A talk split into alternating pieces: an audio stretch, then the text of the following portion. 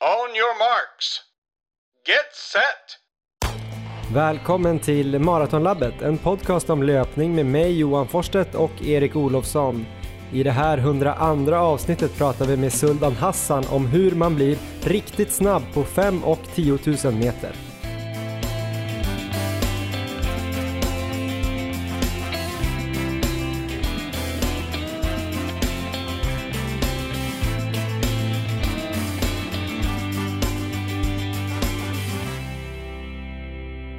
Hej och välkomna till Maratonlabbet. Erik Olofsson, hur är läget? Tjena Johan, jag är lite sliten i benen. Vi kommer komma in på varför snart. Ja, jag är lite nyfiken eh, kring det där. Eh, jag har förstått att du kanske var ute och sprang superlångt igår. Du kan ju ha sprungit 7 eh, timmar eller 17 timmar. Jag försökte messa med dig lite grann igår och fick väldigt korta svar. Du sa jag hör av mig lite senare och sen sa jag inte hört någonting och jag har inte varit inne och kollat på Strava för att jag vill att du ska få avslöja det här för mig i podden. Ja. Idag kommer vi prata också med Suldan Hassan och försöka få reda på hur han tränar för att bli så otroligt snabb på 5000 meter och även lite om hur han tränar för 10 000 meter om han nu gör det än så länge eller om det bara är 5000 som gäller. Vi kommer även att stämma av formen hos Carolina Wikström som ju hoppas att få springa maraton i OS och i april får hon reda på om det blir någon resa till Japan eller ej. Det ska bli kul att höra hur det går för henne. Men först Erik eh, så skulle jag vilja prata lite om den här boken som jag har lyssnat på den senaste tiden. Du vet den här Running with the Kenyans. Just det, kul. Kommer du ihåg vad han hette som skrev den? För jag kan inte uttala hans förnamn. Lite finländskt namn vill jag minnas. ja, kanske. Adharanand Finn. Eh, du kanske tänkte på att han hette Finn efternamn? Det måste ha varit det. Ja, det var inte alls så finskt.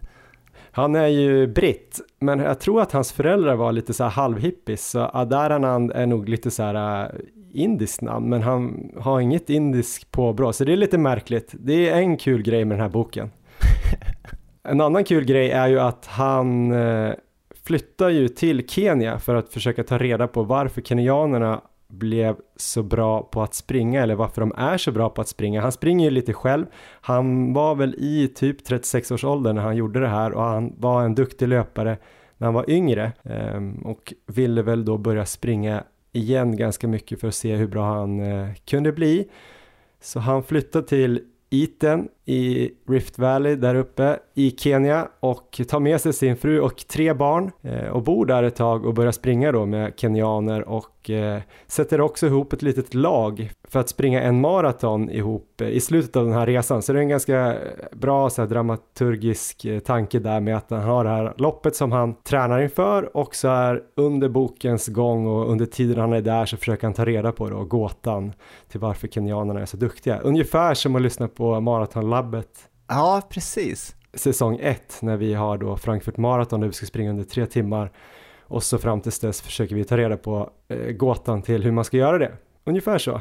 Väldigt spännande upplägg här känner jag. Jag vill ju inte avslöja hur det går för honom eller eh, vad han får reda på där kring varför kenyanerna är så himla bra för jag tänker att jag vill inte sabba för någon som ska läsa den men jag tänkte på en sak och jag skulle vilja spela upp en grej som jag tyckte var himla bra i den här boken som då kopplar tillbaks lite till ett annat avsnitt här där vi pratar lite om varför vi springer så mycket och varför vi hela tiden strävar efter bättre tider och så när vi lika gärna bara skulle kunna vara hälsosamma och glada 35 minuters löpare eller 40 minuters löpare. Så men jag tyckte han eh, skrev väldigt fint om, om varför man springer. Lyssna här. Running is a brutal and emotional sport. It's also a simple primal sport. As humans on a most basic level, we get hungry, we sleep, we yearn for love, we run. Just watch small children left to play unsupervised. They can't stop running. It is part of what makes us human. Perhaps it is to fulfill this primal urge that runners and joggers get up every morning and pound the streets in cities all over the world to feel the stirring of something primeval deep down in the pits of our bellies, to feel a little bit wild. Running is not exactly fun. Running hurts, it takes effort. Ask any runner why he runs, and he will probably look at you with a wry smile and say, I don't know, but something keeps us going. We may obsess with our PBs and mileage count, but these things alone are not enough to get us out running. We could find easier ways to chart and measure things. We could become train spotters or accountants. No, the times and charts are merely carrots we dangle in front of our rational mind, our over analytical brain, to give it a reason to come along for the ride. What really drives us on is something else this need to feel human, to reach below the multitude of layers of roles and responsibilities society has placed on us, down below the company name tags, even the father, husband, son labels, to the pure, raw human being underneath.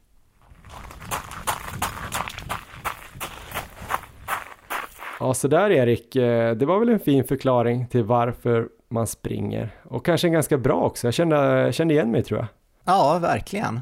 Jag vet inte om det var lika fint som jag tyckte, för ibland när man är ute och springer och lyssnar på någonting så kan det drabba en lite hårdare, men jag hoppas att någon eh, kände igen sig där hemma också. Jag har ju lyssnat på den här boken då via Nextorys ljudboksapp, eh, Nextory som vi har ett samarbete med också. Och om ni går in då på nextory.se kampanj och skriver in då maraton där så kan ni få använda den här ljudboksappen i 30 dagar helt gratis och eh, det vore väldigt schysst eh, både mot oss och mot er själva då att eh, testa det här erbjudandet i 30 dagar och sen är det bara att avsluta om ni inte då skulle gilla den här tjänsten. Ehm, jäkligt kul, finns mycket bra böcker. Nu har jag faktiskt börjat lyssna på en annan bra löparbok. Eh, den heter då Endure och är skriven av Alex Hutchinson och jag vet att du också gillar den Erik. Ja, den är verkligen värd att läsa eller att lyssna på. Det var väl en, två år sedan tror jag som jag började lyssna på den och eh, ja, det finns mycket, mycket intressant i den. Den handlar ju väldigt mycket om hjärnans roll då i uthållighetsprestationer och försöker då ta reda på om det kanske finns något mer än VO2 max, tröskel och löpekonomi för att förutse eller förutspå en prestation på uthållighet. Hur mycket sitter i hjärnan och stänger den kanske till och med av kroppen? Ja, det är väldigt spännande. Jag har lyssnat på den en gång förut och lyssnat på den igen bara för att den är så bra. Med tanke på det där då, uthållighet och ja. hjärnans roll och sådär. Um, vad tänkte du på igår när du gjorde det här som du gjorde som jag inte vet vad det var? Vad gjorde du egentligen? Berätta bara. jag var ute och sprang Johan. Och, ja, men hur eh, länge? ja, vi kan väl ta det från början helt enkelt. Det är lite kul nu att du inte, att du inte vet. Men jag, jag startade klockan 09.15 Aha. Och då började jag med en runda där på 33 kilometer. Och den var, det var väldigt kontrollerat, det var bra känsla, jag låg vid någon slags femfart där. Sen kom jag hem och käkade lunch och eh, stoppade klockan då när jag var hemma. Men sen stack jag ut igen och sprang 33 nya kilometer. Och då var det fullkomlig misär, alltså verkligen eh, otroligt mycket självömkan. Jag tyckte väldigt synd om mig själv under den här rundan och eh, verkligen förbannade mitt öde här med eh, det kommande 24 timmars loppet. Som jag ju insåg, det är, det är helt fullkomligt omöjligt att springa 24 timmar. Så det var ja. väl lite så jag sprang och tänkte där under eh, den där andra rundan. Men eh, sen var jag hemma igen då efter cirka 68 kilometer och då käkade jag middag och försökte i alla fall ladda om för att eventuellt den här dagen kunna nå över 100 kilometer då som är det längsta jag har sprungit förut på träning. Eller ja, mm. överhuvudtaget förstås. ja, just det. Så nästa runda, då var det alltså, ja, det var väl runt där 33 kilometer igen. Och då kändes det lite bättre när jag kom ut. Så framförallt så hittade jag en fart som kändes mer bekväm. För på runda ett då låg jag i femfart, som du och jag gjorde där på Söder. Eh, runda två, då var det mer eh, femfart till 5.15 fart när jag började känna mig eh, så fruktansvärt dålig. Men nu på tredje rundan då var det kanske mer 5.15 till 5.30 och där var det betydligt mer bekvämt. Så att jag började här få upp lite mer hopp igen kanske efter den här fruktansvärt tunga andra rundan. Får jag fråga vad du käkade till middag? Var det Peter Palt också eller? Nej, den här gången var det inte det, men det fungerade ju bra första gången jag gjorde det, så att det är ju helt klart ett eh, hett alternativ inför, inför loppet. Men eh, hemma igen efter 101 kilometer så eh, ja, jag åt lite då och tänkte att eh, det här var ju bra, nu har jag slagit nytt distansrekord. Och då var det som att jag började debattera lite grann med mig själv. Du vet i tecknade filmer när man har en, så här, en ond sida på ena axeln som brukar vara tecknad som en djävul och en god sida på andra axeln som är en ängel. Det är mycket referenser till eh, tecknade filmer när man pratar med dig. Ja, jag har en son som är... Han Bilar tre och... han har fyllt sex år så det, är mycket, det är mycket sånt hemma nu. Ah, Okej, okay, jag fattar. Vad var klockan här förresten? Eh, bra fråga. Här måste den ju ha varit vid åtta. Åtta på kvällen. Okay. Och då hade du de här på axlarna? Ja, då, då var jag hemma där med de här två på axlarna. Och det var ju dels då bekväma Erik som tyckte 101 km var mer än tillräckligt. Han föreslog att jag skulle tappa upp ett bad och lägga mig i min kall öl och bara njuta av det här nya distansrekordet. Men sen på andra sidan, då satt så här masochist-Erik som började argumentera för att köra en till runda. Och han mm. lockade med den mörka zonen och började prata minnen från Rotterdam 2018 där jag väggade halvvägs men ändå sprang i mål. Ganska svaga argument kan tyckas. Nej. men eh, hur det nu var så står jag plötsligt ute igen redo för en ny runda. Och tanken var nu att springa två mil och nå upp till eh, 120 km totalt. Så jag börjar springa och märker att jag plötsligt springer i 5.00 fart igen så här, bästa känslan för dagen. Jag förstår ingenting. Det var verkligen som att jag kom in i andra andningen och plötsligt bara vände det. Så kommande två mil rullade på otroligt fint. Tyvärr så lyckades masochist-Erik förhandla fram en bonusmil under den här vägen. vad, vad, hur gjorde han det då? Liksom, började han snacka om gamla minnen från 2008 där när nu cyklade i bergen, de tjeckiska bergen, tandemcykel eller? Och ja, det var väl härligt, vill du inte uppleva det här igen? Ja, det var ju dels det och sen så tyckte han att det här är ju det här är löjligt, så här ska det inte kännas. Det här är ju inte ens eh, nära den mörka zonen. Jag hade tagit sikte där på eh, 13 mil i alla fall. Men jag hade inte tagit med tillräckligt med energi, så eh, med 15 km kvar då, då hade jag helt slut på vatten och energi. Så det blev ett så här riktigt rejält energitapp sista milen där mellan 120 km och 130 km och en väldigt bra påminnelse om hur jobbigt det verkligen kan bli om man slarvar med de där bitarna. Men eh, kom i mål och passet slutade i alla fall på 13 mil.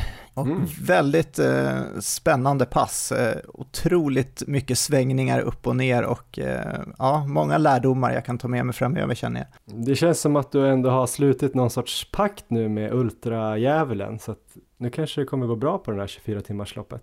Alltså jag har ingen aning. Efter, där på runda två, då var det ju som att jag var villig att lägga ner planerna och tänkte att det här är ju bara idiotiskt på alla sätt. Men sen så, ja, det, det jag ändå kan ta med mig är just att det kan vända. Det kändes ändå mm. skönt, att man kan ha de där riktiga dipparna och sen så bara kan det ändå eh, vända. Och sen så farten, att eh, hitta, hitta rätt fart där så man kan eh, köra på i länge utan att bli helt slut. Men eh, om vi bryter ner det här då lite i siffror, vilken snitttid hade du på de här 13 milen då, om man bara tar det du sprang, liksom, räknar bort eh, pauserna. Precis, om man bara tar själva löpningen då, för jag stoppade i klockan när jag hade de här pauserna, så var det ett snitt på 5.15, så det var väl okay. dryg, lite drygt 11 timmar. Så 11 timmar, och eh, när kom du in från det sista passet där? Eh, det var väl där vid, ja, runt 11-tiden tror jag.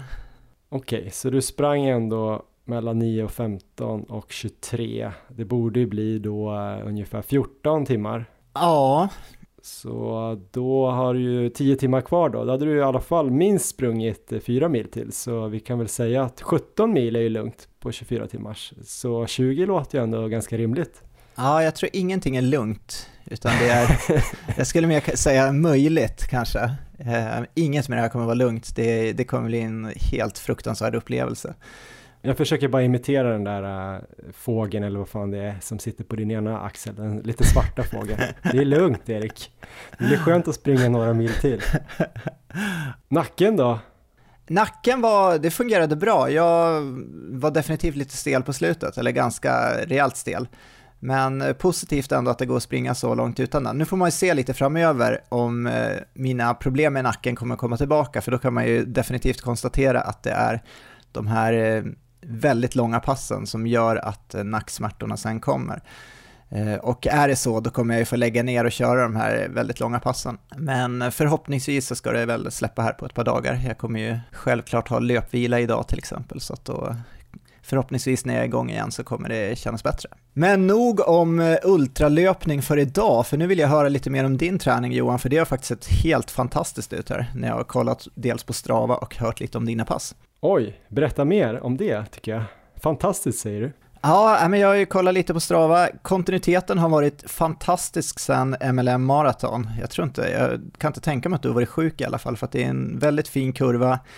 Eh, volymen är högre än vad det varit tidigare och eh, 15 veckor i rad så har du legat på eh, stabil hög volym. Och sen så har jag sett några av de specifika passen också där det har ju gått väldigt snabbt och, eh, och det verkar som att det varit med en bra känsla också. Och sen så har jag med mig såklart det här passet vi sprang ihop på Söder när du mm. joggade lätt i 57 kilometer. Så att det är ju, det jag, jag, tror du har tagit steg här i år och det ska bli extremt intressant att se när loppen drar igång.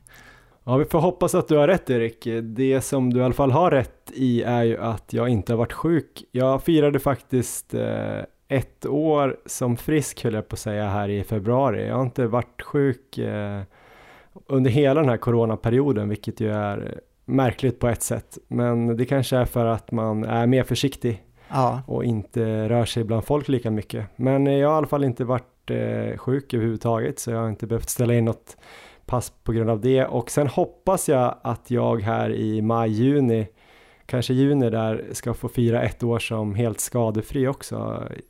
Hälsenan har känts peppar peppar väldigt bra ungefär sen eh, när vi sprang långlöparnas kväll där i, i juni i fjol så blev det ju faktiskt bättre där under sommaren och sen har den eh, varit under kontroll. Jag kan känna av den lite grann ibland men inte på den ja. nivån som jag hade ett tag i, i april-maj i fjol. Så att det känns jättebra. Så jag kan ju springa det jag vill och jag tror att för mig har det passat att eh, öka lite volym där under vintern och tagit det lite lugnare och smyga igång med de här hårdare passen och eh, hårdare trösklar och även lite banpass som jag nu har börjat gjort här i här i mars. Eh, vi tränar ju väldigt olika just nu om man bara tänker på de passen vi kommer prata om. För du hade gjort det där 13 mila passet på en hel dag.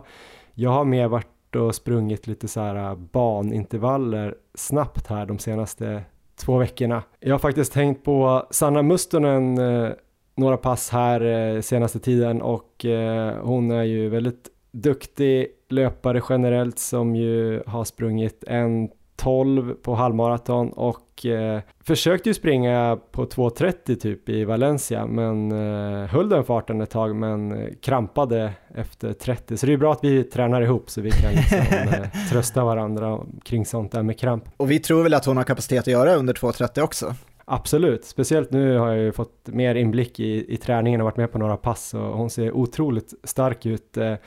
Vi var faktiskt på Bosön förra veckan och då körde hon sju gånger två kilometer i 3.21 till 3.23 fart. Eh, Oj! Två minuters joggvila, eller det var 400 meters joggvila så det var nog ja. lite mindre än två minuter. Eh, det var extremt starkt och på det passet så körde jag då 600, 600, 400 när hon körde 2000. Så jag körde en 600 i ungefär 3.20 då, eller 3.22 och så vilade jag ståvila när hon sprang ett varv, så det var ju 40 sekunder ungefär. Och så körde jag en 600 och så vilade jag 40 säck och sen en 400 Och sen så joggade jag ett varv när hon joggade två.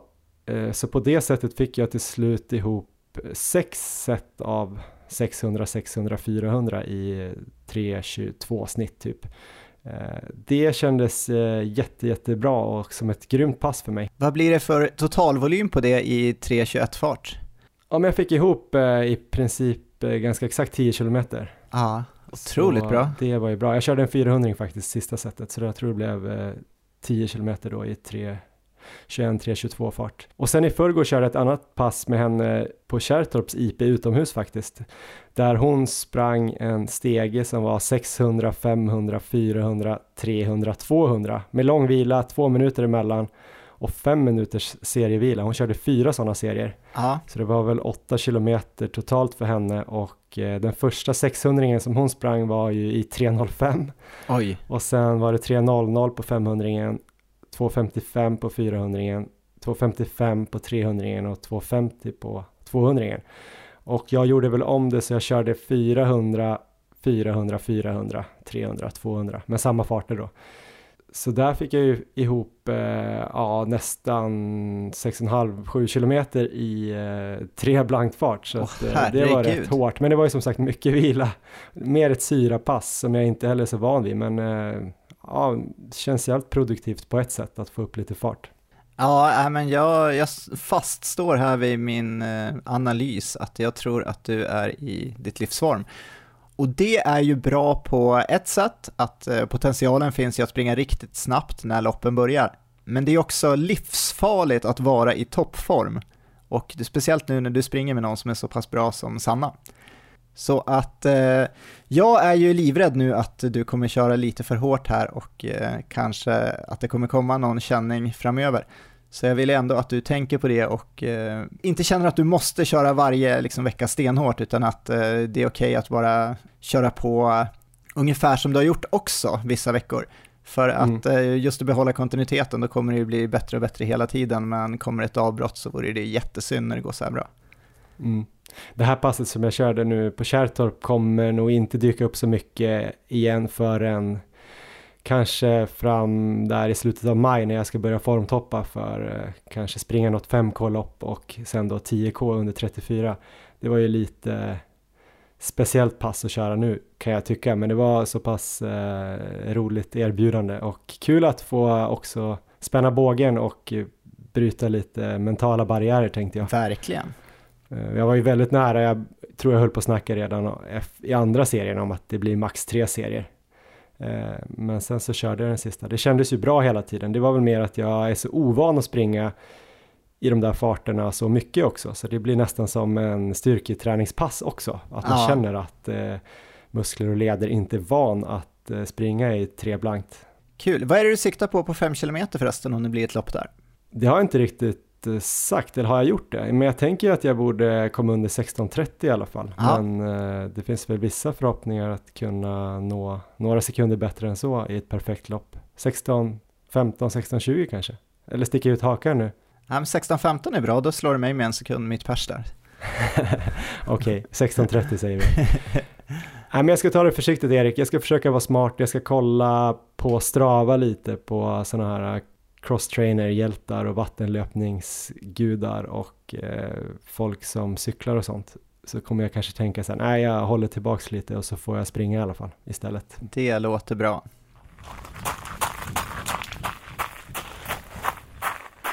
Vi vill också berätta att vi fortfarande är mycket glada att vi har ett samarbete med Löplabbet, eh, Sveriges eh, största och bästa butikskedja för löpning de har åtta fysiska butiker från Umeå i norr ner till Malmö i söder och eh, de har också en jättebra hemsida löplabbet.se där man dels kan då köpa löpargrejer men också läsa olika guider och tips och tricks kring löpning. Eh, för ett litet tag sedan fick de in ett nytt klockmärke i löplabbet eh, ett amerikanskt klockmärke som heter Coros C-O-R-O-S och eh, du och jag Erik har ju fått testa varsin klocka här nu och den kom eh, för några dagar sedan så jag har sprungit några pass med den och det är du, jag och Eliud Kipchoge som är affischnamnen. Precis. Du fick testa en eh, klocka som heter Coros Apex va? Ja, Coros Apex Pro. Hur har den känts de här första passen? Jag har sprungit två pass i den och det har känts väldigt bra. Jag kan ju börja med batteritiden här, för jag har ju varit mm. rätt nöjd med min nuvarande klocka som jag kan springa cirka 10 timmar med. Och när vi skulle springa 12 timmar på Söder, då hade jag med mig en powerbank som jag skulle kunna ladda upp klockan med om jag nådde över 10 timmar var planen. Men med Coros Apex Pro kommer jag alltså ha 40 timmar batteritid i fullt tracking mode för GPSen. Och det är ganska bra för dig den här säsongen? Det är väldigt bra för mig. Ehm, jag kan ju köra den här alltså på mitt 24 timmars lopp och ändå bara använda upp eh, drygt halva batteritiden. Det finns ju dessutom ett eh, Ultra Max Mode som ska räcka till och med i 100 timmar, så det kan ju vara något för Jonny Hellneby sen på hans sex dagar tänker jag. Jag är väldigt positiv, den är snygg, lätt, eh, sitter riktigt bra. Det är handledspuls då, vilken ska vara väldigt tillförlitlig utefter de recensioner jag har lyssnat på. Jag kan inte säga att jag har testat den eh, tillräckligt ännu för att kunna uttala mig där. Jag skulle behöva något hårt tröskelpass eller liknande för det. Sen är det väldigt eh, snabb trådlös synkning till både appen samt till Strava. Och något som jag tycker är väldigt intressant är att den ska ha en algoritm som gör att den ska mäta helt exakt på banlöpning. Så där finns det ett speciellt mode man kan välja. Jag var i kontakt här med Jonathan som var med till Chamonix med oss och han hade sprungit med den här Apex Pro i ett år ungefär och han sa att den funktionen var riktigt bra så det fungerade utmärkt. Och en annan bra sak tyckte han var att de kommer med uppdateringar kontinuerligt med nya funktioner vilket då gör att klockans livscykel blir längre och att den känns ny fortfarande då. Han har ju haft sin i ett år men det känns fortfarande liksom som att han har en ny klocka. Så väldigt bra, men om vi nu ska försöka göra en fullständig recension och ändå nämna saker den inte kan göra så kan man till exempel inte ladda upp musik i den eller betala med den, vilket min nuvarande klocka kan. Det är dock inga funktioner jag själv har använt, så för mig kvittar det. Så jag lutar mer och mer faktiskt över att gå över till den här klockan.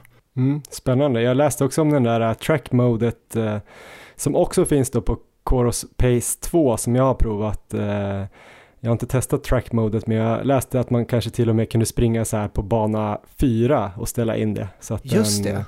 visste om att man var på bana 4 så räknade den ut eh, ännu mer exakt på något sätt. Eh, återstår att se om eh, den mäter jättebra där. Coros Pace 2 är i alla fall en lite mindre klocka än Apex Pro. Jag tror inte att Apex Pro är direkt stor, men eh, det här är lite lillebror, lite mer gjord då för kanske, vad ska man säga, vanlig löpning eller 5 och 10K medan din är lite mer ultrabetonad i alla fall, eh, så marknadsför de sig så, eller hur? Ja, precis. Men den här Pace 2, det första man tänker på är att den är otroligt lätt, den väger bara 29 gram och det har faktiskt eh, vägt den hemma till 29 gram, sitter väldigt skönt med typ ett eh, nylonband med kardborre.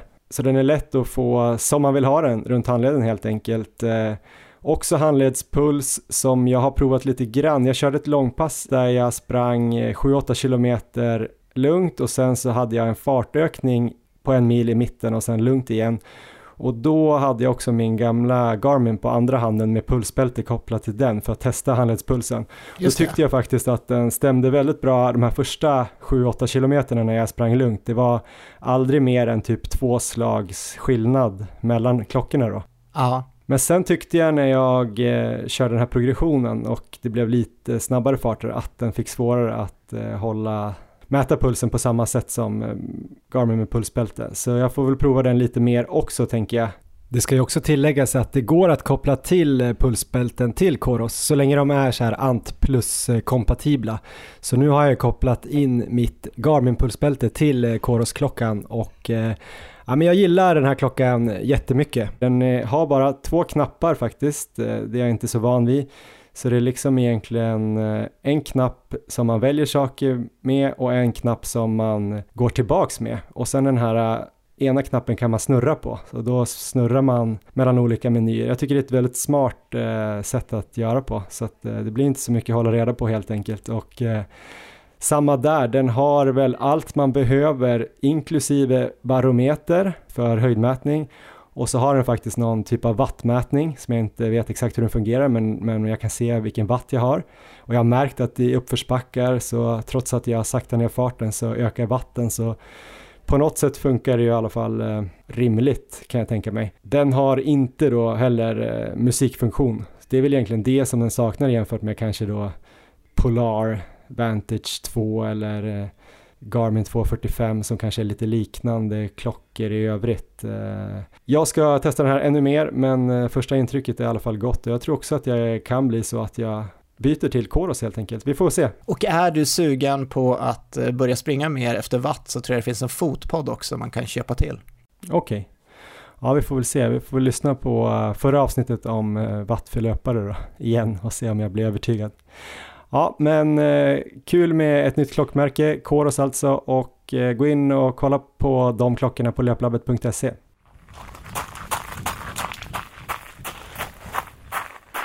Ja men Erik, eh, nu ska vi prata här med Suldan Hassan snart. Eh, den Kul. snart 23-årige löparen som började med friidrott 2013. Och året efter, 2014, då gjorde han 14.42 på 5000. Som ett års träning så kom han under 15 på 5000. Ganska talangfull får man ju säga.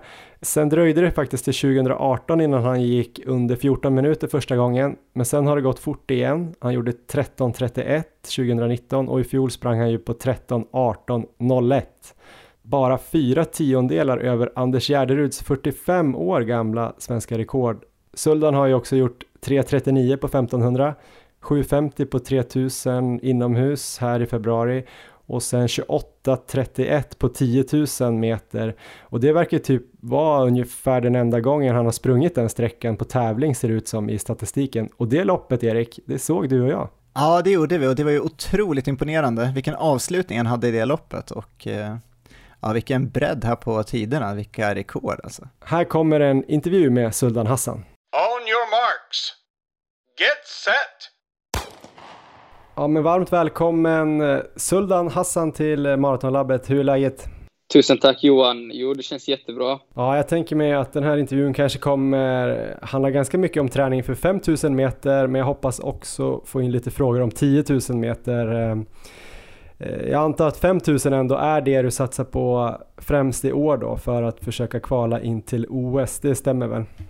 Instämmer. Eh, 5000 meter är ju ja, den distansen som jag fokuserar allra mest på just nu. Eh, sen ska man, ska, man vara, ska man bli en riktigt bra 50 meterslöpare så måste man ju vara duktig både på 10 000 och 1500 meter också. För att både ha otåligheten och snabbheten. Så att eh, ni kommer nu se mig springa både 1500 meter, eh, 3000 meter och ja, längre då 10 000 meter eh, här och där. Spännande. Jag vet att du har gjort, eh, du har gjort under 3.40. Du har gjort 3.39 va, på 1500 och i fjol gjorde du 28.31 på 10 000. Vilken av de två sträckorna tror du att du är bäst på?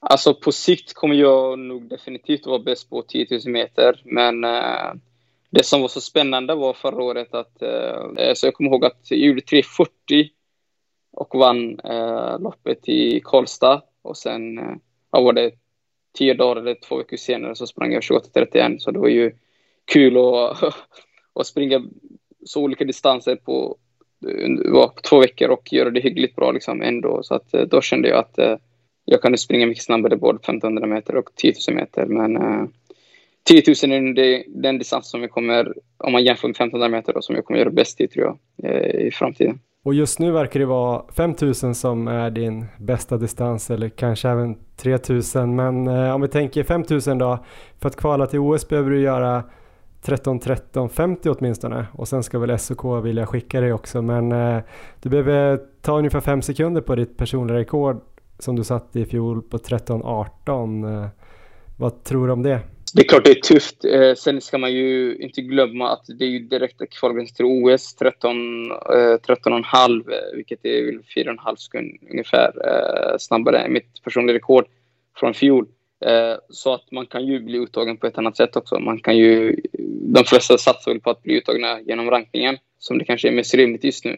Men eh, det är klart att det har varit gött att, att ta den tiden eh, direkt till ja, kvalgränsen då med en gång. Just nu kanske det inte är optimal uppladdning eh, då jag har faktiskt missat ett par veckors träning här eh, med ett litet bakslag. Men eh, jag vill ju såklart, alltså inför varje säsong så vill jag utvecklas och eh, försöka slå personliga rekord så att eh, ju fler sekunder jag slår personliga rekord desto närmare är jag till OS då. Så att det, det känns väl gött på det sättet. Men eh, du gjorde det där 13-18 loppet i slutet av augusti. Sen har det väl gått ungefär ett halvår. Hur har eh, liksom grundträningen sett ut i, i vinter och hur har det gått? Ja, det har varit en klockren uppladdning egentligen under vintern. Eh, I höstas var jag i Kenya på ett träningsläger och eh, kände att jag gjorde väldigt bra träning, liksom. eh, framförallt uthållighetsträning. Eh, och insåg att jag var på helt annan nivå uthållighetsmässigt. Och sedan var jag eh, i januari månad då i Kenya också eh, och eh, fortsatte träna jättebra. Mycket fokus på att försöka liksom, bygga en bra grund eh, och sen ja, under SM så fick jag ett litet bakslag såklart. Eh, så förutom SM då så tycker jag att eh, min uppladdning inför den här säsongen har varit klockren.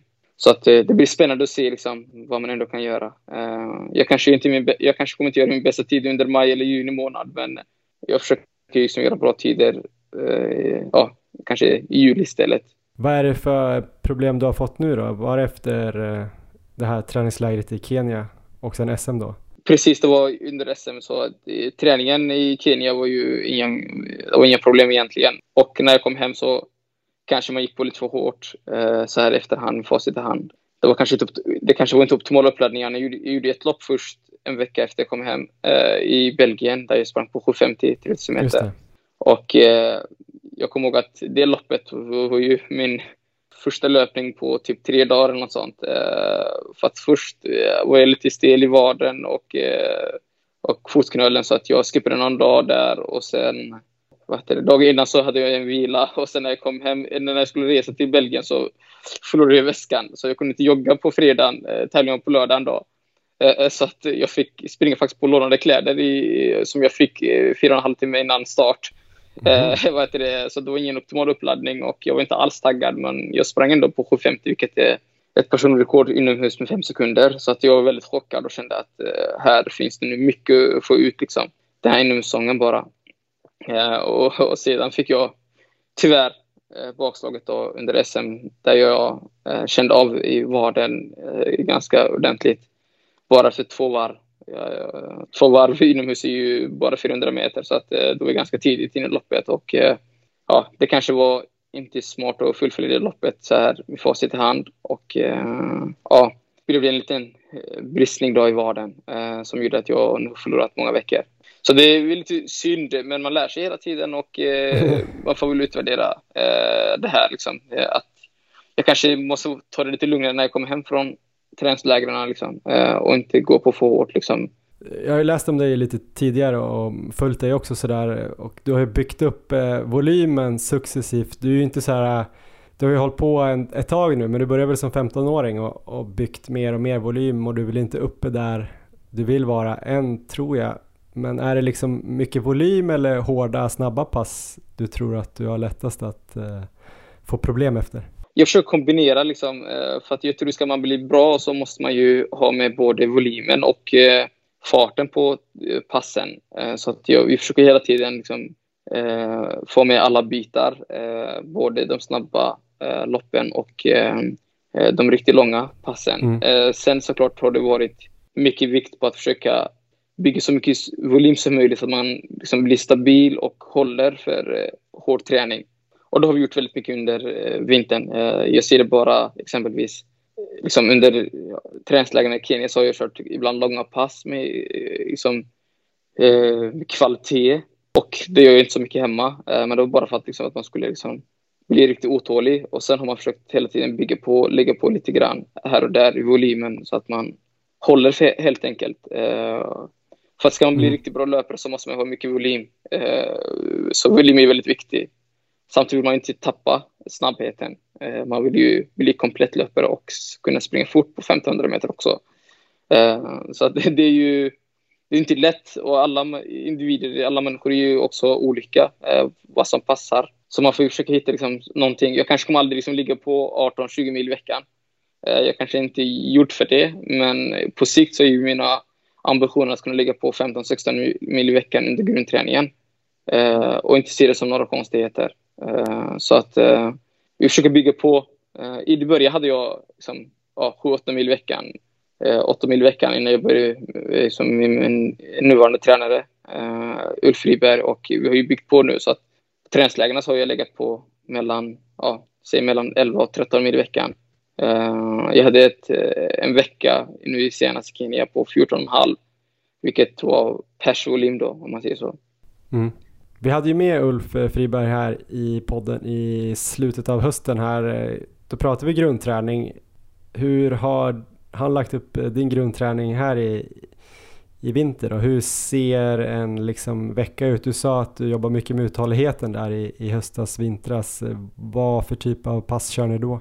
Så det kan vara allt annat från det här standardpasset som man har hört, liksom tio gånger en kilometer. Det kan vara fartlek, eh, någon gång till, körde vi till och med eh, liksom, riktigt långa fartlek eh, med Julian Wanders-gruppen. Eh, Julian Wanders är en kille som har gjort 59 eh, som har europeiska rekordet på halvmaran. Eh, och då körde vi exempelvis liksom, ja, eh, 5K eh, i 15 blankt, en kilometer i 3.30 eh, eh, det skulle vara kilometer i 3.30 och sen 4K i typ 2.58 3.00 och sen Eh, en kilometer i 3.30 och sen tre kilometer och sen en kilometer i 3.30 och sen två kilometer.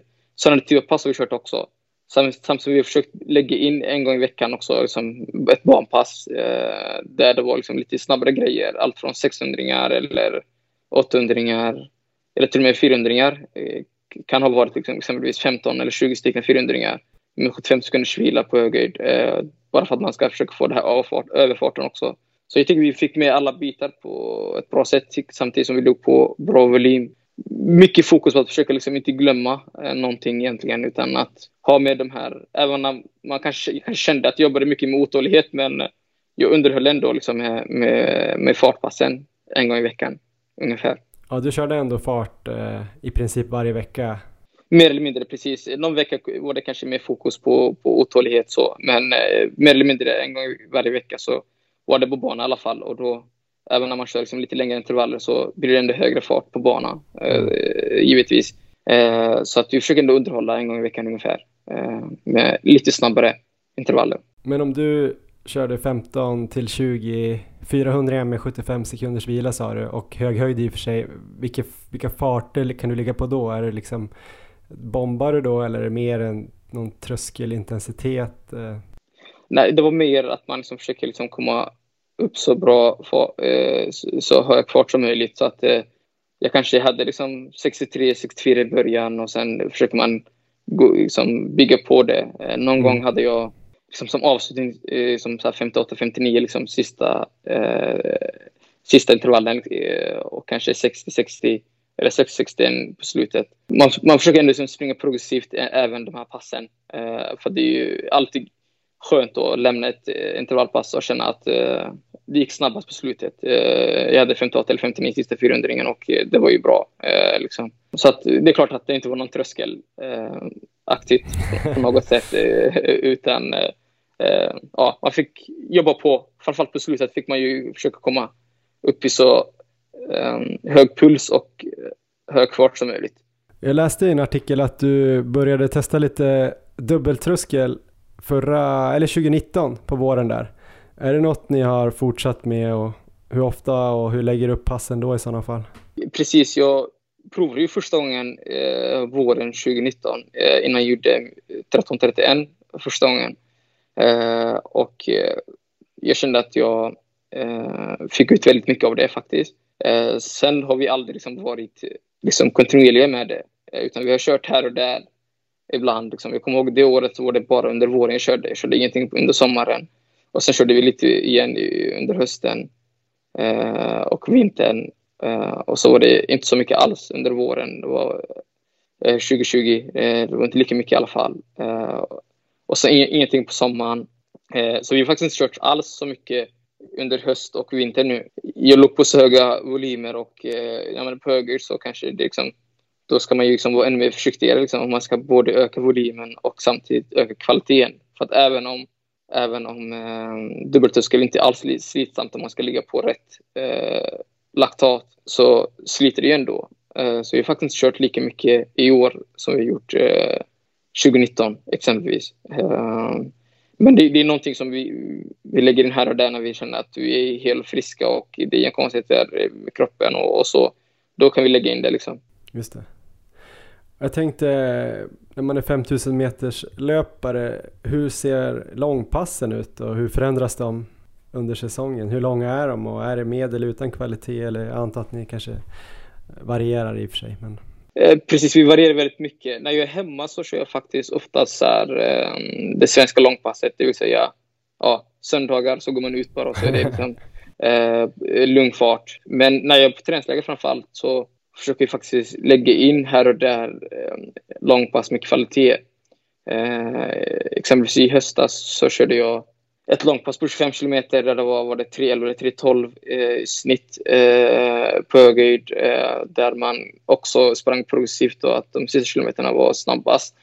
Eh, och det gjorde jag flera gånger och det gjorde jag även förra året också. Eh, för sommaren 2020 när jag var i Etiopien och Kenya så gjorde jag också, hade jag också flera långpass med, med kvalitet och jag känner att jag får väldigt mycket ut av det. Alltså, jag springer även snabbare, konstigt nog, även snabbhetspassen ibland när jag kör de här långpassen med kvalitet. Um, så att det, det, är någonting som jag känner att det i alla fall passar mig väldigt bra. Därför har vi fortsatt med det. Och så, uh, så blir det, det som är bra är att det blir så många kilometer i, i, i tröskelfart eller vad det nu blir. Just till och med eh, högre på slutet liksom. Eh, så att eh, kör man två pass innan den veckan och eh, har på lördagen då ett långpass med kvalitet så får man ju in många kilometer då behöver man inte ens köra dubbeltröskel. Det var kanske en av anledningarna varför vi inte har kört det så mycket under vintern nu, eller höstas när vi körde de här långpassen. För att, ja, 25 kilometer, det är kvalitet ju. Och sen har man kört 8-10 kilometer på tisdagen och sen 10 kilometer på torsdagen. Det, det blir många kilometer va. Det är också ett alternativ till dubbeltröskel, definitivt definitivt. jag tänkte precis säga det, att det blir som en dubbeltröskel i ett pass utan vila. Så det är ju perfekt. Precis, precis. Men man, får vara, man får, man, jag tror man, får inte ta det för lätt liksom med, med långpass med kvalitet. Uh, att man kan liksom, jag tror i alla fall inte att det är bra att köra liksom ett vanligt pass på lördagen och sen gå ut och köra hårt långpass med kvalitet på söndagen. Det, uh, för det har jag aldrig gjort. Liksom. Det känns ju lite jobbigare såklart. Men tar man det som kvalitet så tror jag det är väldigt bra. Jag tror man får mycket ut av det, definitivt. Men säg en sån vecka då när du kör eh, ett hårdare långpass, eh, säg söndag då, då har du kanske kört två kvalitetspass på veckan och eh, det är kanske söndag, när kör du nästa då kvalitet veckan efter så att säga? Behöver du mer återhämtning då eller kan du köra på ändå? Alltså när jag kör långpass med kvalitet så är det nästan alltid på lördagar. Okay. Eh, så att eh, mina kvalitetspass är tisdag, torsdag, lördag så då är det långpassningskvalitet kvalitet på lördagen och så brukar ju nästa pass vara på eh, tisdagen då. Och då kan det vara faktiskt lite snabbhet, alltså eh, ett pass med inte mycket volym. Eh, och jag har faktiskt inte alls känt av så mycket liksom, av det långpasset oftast. Det är klart man känner sig lite tung på, eh, på söndagen och måndagen. Eh, men kör man ett kvalitetspass med, med, med, lite volym på tisdagen så brukar det oftast för mig i alla fall inte vara några konstigheter. Men man får inte gå för hårt bara på tisdagen. Eh, det gör vi inte, utan det är mer kanske fart och eh, flyt snarare än bomba. Men eh, om du kör det svenska långpasset då, som du kallar det, då kan du köra det på en söndag i lugn fart och då kör du kvalitet tisdag, torsdag, lördag innan dess och så kör du lugnt på söndag, pass långt. Precis, Exakt, exakt. Eh, oftast är det intervaller, antingen långintervaller eller om det är under sommaren så är det liksom alltid bana på lördagar och då kör jag bara lugnt och fint på söndag morgon liksom. I 4.10, 4.20 fart ungefär. Om jag kör det här liksom, lugna långpasset, jag har aldrig liksom bestämda tider vad jag ska köra utan det är alltid bara att man går ut bara och sen försöker man liksom bara flyta och, och köra lugnt liksom. Kör du efter en viss tid som du håller på då eller är det en distans? Alltså är det typ 25 kilometer då också eller? Då, då, då, då är det alltid eh, bestämda kilometer. Oftast är det mellan 20 och 22 kilometer om jag kört kvalitet på, eh, på lördagen. Hur ofta, en sista fråga här och för verkligen nörda ner mig i det här. Hur ofta kan du köra det här äh, lite hårdare långpasset då? Är det liksom en, är det varannan vecka eller en gång i månaden eller? Oftast så kör långpassen jag på träningsläger och då är det ungefär varannan vecka eh, ibland. Eh, framförallt under, om det är under hösten så kan det vara varannan vecka ungefär. Eh, och då försöker man ju liksom, för jag känner att det blir lite för slitsamt om man inom en vecka liksom ska köra från söndag till söndag, köra två pass i väldigt höga farter. Eh, så det är ungefär varannan vecka kan man säga. Och sen då in mot säsongen, eh, då är det aldrig några så här hårdare långpass då, utan då är det det här lugnare eller? Precis, eh, under säsongen så är det nästan aldrig några sådana lagpass. ibland kan det vara liksom att man kör progressivt väldigt lugnt, kanske ja, säg 4.00. Om jag har haft liksom lite udda vecka, liksom, eller någon, någon vecka där man kanske har varit, eh, tappat någon träning eller kanske tävlat och inte, vill, och inte körde någonting på lördagen och man vill ändå köra någonting på söndagen, säger vi. Då kan vi köra liksom progressivt då, eh, där sista kanske 10 kilometerna går lite snabbare. Jag tänkte en annan grej, eh, backe, kör du något sånt också här på vintern? Backe kör jag faktiskt aldrig, eh, mer eller mindre. Eh, nej, jag, är väldigt ofta på träningsläger i Kenya numera och eh, då har jag känt av att det inte finns ja, någon anledning egentligen att köra backe för att det är ju backigt överallt. Alla de här långa passen får man ju så mycket backe. Så ska man köra backe och så ska man gå upp ut på eftermiddagspass och så ska man nästan köra backe i lugn fart. Då. Det blir ju nästan så. Så jag har fått väldigt mycket gratis backe när jag träningsläger i Kenya har jag känt. Och då har vi inte lagt in så mycket. Sen tycker jag att, jag, att backe inte riktigt passat mig. Eh, vad heter det, för att jag oftast så känner jag av lite grann. Vi provade 2019 provade vi lite grann. Backen minns jag och eh, det blev inte så bra. Så att eh, sedan dess har vi faktiskt eh, ja, pausat lite grann backe. Vi kanske återgår till eh, framtiden igen. Men eh, just nu kör vi ingen backe i alla fall hemma. Och när jag är på träningsläger så behövs det faktiskt inte alls. Jag tänkte eh, vi ska gå vidare här snart lite grann. Men jag tänker eh, några riktigt bra kvalitetspass eh, specifikt för 5000 då? Har du några sådana som du brukar köra? Eller kommer att köra nu när det närmar sig ja, utomhussäsongen? Alltså, det finns ju de här standardpassen som, som vi har kört eh, såklart. Ett av passen var ju en vecka innan, eh, innan jag gjorde 13-18 och då var det ju 2000, 1600, 1200, 800, 600, 400. Ett sånt pass tycker jag liksom det är riktigt bra. Och sen har vi även kört sådana pass som 1400, sex serier av 1400. Okay. Eh, eh, som vi har kört ibland eh, under sommaren för att liksom veta verkligen var man är någonstans i träningen. Mm. Ehm, så att eh, det vill sådana pass och då ska man ju gå på ganska hårt. Det ska såklart vara mycket längre vila än, än normalt om man liksom vill få upp höga farter för att man vill ju springa mycket snabbare än tävlingsfarterna. Även på den första stegen där, 2000 ska den gå snabbare än 5000 farten? Just den 2000 var exakt 5000 farten. Eh, jag hade 520 på den.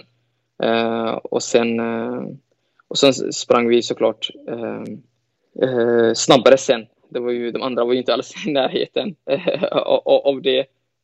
mycket snabbare. Vet på slutet så hade jag liksom en 400 på 55 och det är ju ja, inte ens min vad heter det, 15 meters fart. Snarare kanske min 800 meters fart. så, att, så att man försöker ju ja, öka på ganska ordentligt där med längre vila. Men hur mycket vila kan du ha då? då? Alltså det kan vara liksom, ja, 6-7 minuter kanske efter 2000 eh, eh, precis. Och så får man känna av själv ungefär. Och sen kanske 4-5 minuter, 5 minuter kanske efter 600 och sen 4-5 minuter efter 1200 och sen kanske likadant efter 800 och så går man lite ner då på vilan sen. Efter 800, 800 och 600 så behöver man inte lika mycket vila. Ja, eh, och sen körde vi liksom 1400 också. 1000 och sen 400, sex serier. Och där var det bara 90 sekunders vila, men 3 minuters serievila. Okej, okay. så en tusing, 90 sekunders vila och sen en 400 och sen serievila? 3 minuters vila, precis på 3 minuter. Uh, och där försöker, man ju, där försöker vi springa successivt då, snabbare och snabbare. Jag tror att min sista Eh, tusing gick på eh, 2.30 och sista 400 gick i 56. Eh, och, då, vad heter det, och där försöker man ju trycka på ganska ordentligt. Och där ser man eh, 2.30, det är ju 3.45 fart på 1500 meter, så det är ju långsammare än, än 15 meters farten, men det var ju mer kanske 50 meters pass snarare. Ibland kanske man kan också fem gånger en kilometer också. Många som gör det också, även om vi inte har kört det. Vi gillar väldigt mycket blanda lite farter eh, när, när vi ska liksom formtoppa på riktigt. Snarare så att vi kör ju sällan bestämda liksom, eh, 800 eller 600 eller så, utan det är alltid lite fartlek kan man säga ungefär. Men annars är 5 gånger 1000 med två minuters vila, är det väl något sånt standardpass som många kör? Ja, två, två och tre minuters vila kanske, precis. Det är väl också ett standardpass för många som vill, som vill formtoppa. Jag har ju aldrig gjort det, eh, utan jag gillar det här liksom, lite i stegen, men jag har sett att det är väldigt många som gillar också det passet. Liksom. Eh, även eh, några av de bästa gör, kör ju sådana typer av pass också. Mm. Men jag gillar steger, det är, det är riktigt roligt. Liksom. Typ en 2000 600 och, och så går man ner, ner och så är det även, även mentalt är det ju väldigt skönt att känna att och nu har man gjort den här 2000 även om den var väldigt jobbig liksom, och så vet man att det inte kommer tillbaks. Va? Och det blir bara kortare och kortare så att det, jag tror också det är mycket lättare att hålla ihop hela passet också. Mm. Och så får du lite olika aktivering i steget där, lite olika farter också. Precis, precis. Eh, de här passen har jag ju haft min tränare Ulf som har liksom haft cykeln framför mig så jag har inte liksom ibland brukar jag inte ens kolla på klockan. Jag brukar bara liksom, köra efter honom. Eh, och så kollar man på klockan när man kommer till mål och tänker på usch, det här var ju riktigt bra. Jag tror att det är också väldigt bra om man vill formtoppa så det, jag tror det är väldigt bra att antingen få hjälp med cykel av någon eller eh, om man har en grupp då att köra med dem. För att det, det är ju, jag har inte sett många som kan göra sådana här pass där man ska verkligen som kommer upp i väldigt höga farter helt på egen hand. Det är mycket svårare tror jag. Jag tänker eh, angående den här kvaltiden då, 13, 13.50, du säger det kanske inte är helt säkert att du måste nå den, men eh, du vill väl garanterat under Gärderuds eh, svenska rekord här i sommar, eller att du i alla fall hoppas på det. Eh, när kommer du börja tävla och hur många försök innan OS har du på dig att visa upp bra tider? Eh, alltså, min ambition eh, är ju såklart att, som jag har haft inför varje säsong egentligen, att att, att utvecklas och gå framåt och fokusera mer på det än en, en, en kvaltid eller rekord. Mm. Eh, sen såklart att med tanke på att jag var bara 42 delar från mm. Anders Gärdus svenska rekord förra eh, eh, sommaren så känner jag att jag vill såklart ta det. Eh, och det är klart att, att man har OS som mål, eh, att försöka kvala till OS, det är klart det är ett stort mål. Eh, men jag vill ändå liksom fokusera, oftast har det hjälpt mycket mer att när jag fokuserat på alltså egen utveckling, att jag ska gå framåt eh, snarare än liksom, specifika eh, mål. Så att jag ska försöka liksom, hålla liksom, den, de, de där tankarna då, att bara liksom, utvecklas. För att om jag utvecklas så blir det både svenskt rekord och mm. eventuellt eh, OS. Liksom. Eh, så det, det är väl det. Det är klart det är stort. Det är, det är klart det är mycket som eh, händer det här året. Det största som kan hända för en, en, en friidrottare händer ju i år, liksom, eh, ett OS. Om vi avslutar lite då med 10 000 meter eller, eller milträning. Du säger själv att du på sikt kommer bli bättre och bättre där också. Du gjorde 28.31 i fjol eh, på Stockholms stadion, var där och kollade, det såg väldigt lätt ut. Men eh, vad tror du att du skulle behöva göra mer av för att eh, springa ännu fortare på, på 10 000? Egentligen så tror jag att jag behöver mer träning. Eh, och sen behöver jag såklart ett lopp där, eh, där det är hög fart och eh, bra motstånd så att man inte liksom behöver göra jobbet för att eh, jag tror, det, jag tror det, liksom, det är lite, det är inte jättelätt att liksom dra 10 000 meter på slutet liksom och, och försöka göra ruskigt bra tid. Eh, så det är väl ett motstånd eh, där man kanske får komma ut. Eh, eller kanske, eh, jag har hört att i år ska de arrangera 10 000 meter i Stockholm igen och det ska ju tydligen vara riktigt bra löpare som kommer komma. Mm. Där man försöker springa riktigt fort. Eh, så det är väl motstånd och att man är hel och frisk och har tränat bra egentligen. Men skiljer sig träningen mycket från 5000 till 10 000 tycker du, eller för dig? Ja, det tror jag verkligen. Alltså det, framförallt beslutet om man ska liksom, innan ska man ju ha helst legat i liksom, acceptabel, acceptabel volym. Eh, man mm. kan inte liksom gå dit med formtoppningsvolym och förvänta sig att man kommer göra bra Eh, jag tror oftast eh, får man ju köra bra volym innan. Så det kanske är bra ifall det är tid på säsongen, eh, i, mitt fall då. och sen ska man ju såklart, sista två veckorna eller tre veckorna så får man inte glömma att lägga in längre liksom 10 000 meters pass. Och, så det är klart att man får liksom tänka annorlunda. Man kan inte tro att man kommer göra det bara sådär bra tid, utan man måste vara förberedd både genom specifika kortespass som, som är standardpass då för 10 000 meter och en, ja, en hygglig volym helt enkelt. Gjorde ni något sånt pass i, i fjol innan, innan det loppet eller har du något exempel där som man kan ta med sig? Jag tror någon gång körde vi, vad var det, typ 3000, 2000, 1000. Jag tror ungefär så. Vi det var i alla fall 3000 i början och så typ så 840 någonting och sen ökade vi på. Men sen också ett annat pass som var rent 10 000 meters pass som vi körde också förra året. Det var ju 3 gånger 3 kilometer eh, där man där det var typ 8.36, 8.35 eh, tror jag. Och sen 8.25 och sen 8.12 sista eh, också. Sådana pass där man liksom där det är väldigt hög fart men man gör det under mycket längre tid. Jag gjorde 3 gånger 3 kilometer bara. Men eh, med, med sådana liksom 3 kilometer x antal, 34 stycken. Det skulle se ut som ett riktigt standard eh, bra pass liksom. För då, de är inte för långa va. Eh, men de är, de är inte så pass långa eh, långa nog för att liksom, kalla, ja, se det som ett bra eh, 10 pass. Och sen kan man ju också ha mycket högre fart. Eh, för att det, är ändå mycket fart på 10 000 meter också, så att man får inte glömma det. Så att, Men då ligger du snabbare än din, din fart på 10 000 på det passet? Ja, absolut. Eh, 8.12 det är ju, vad är det, 66 fart va? Eh, 2.45. Så att det, det, är klart det var snabbare än det, men jag kände att jag behövde, det kändes ju bra också, ska det tilläggas, eh, på slutet. Och, eh, Vad fick du vila då, då mellan? Eh, jag tror det var tre eller fyra minuter, vad heter det, tre minuter tror jag det var efter första och sen fyra minuter eh, sen, ja. Så att det var inte för lång vila heller.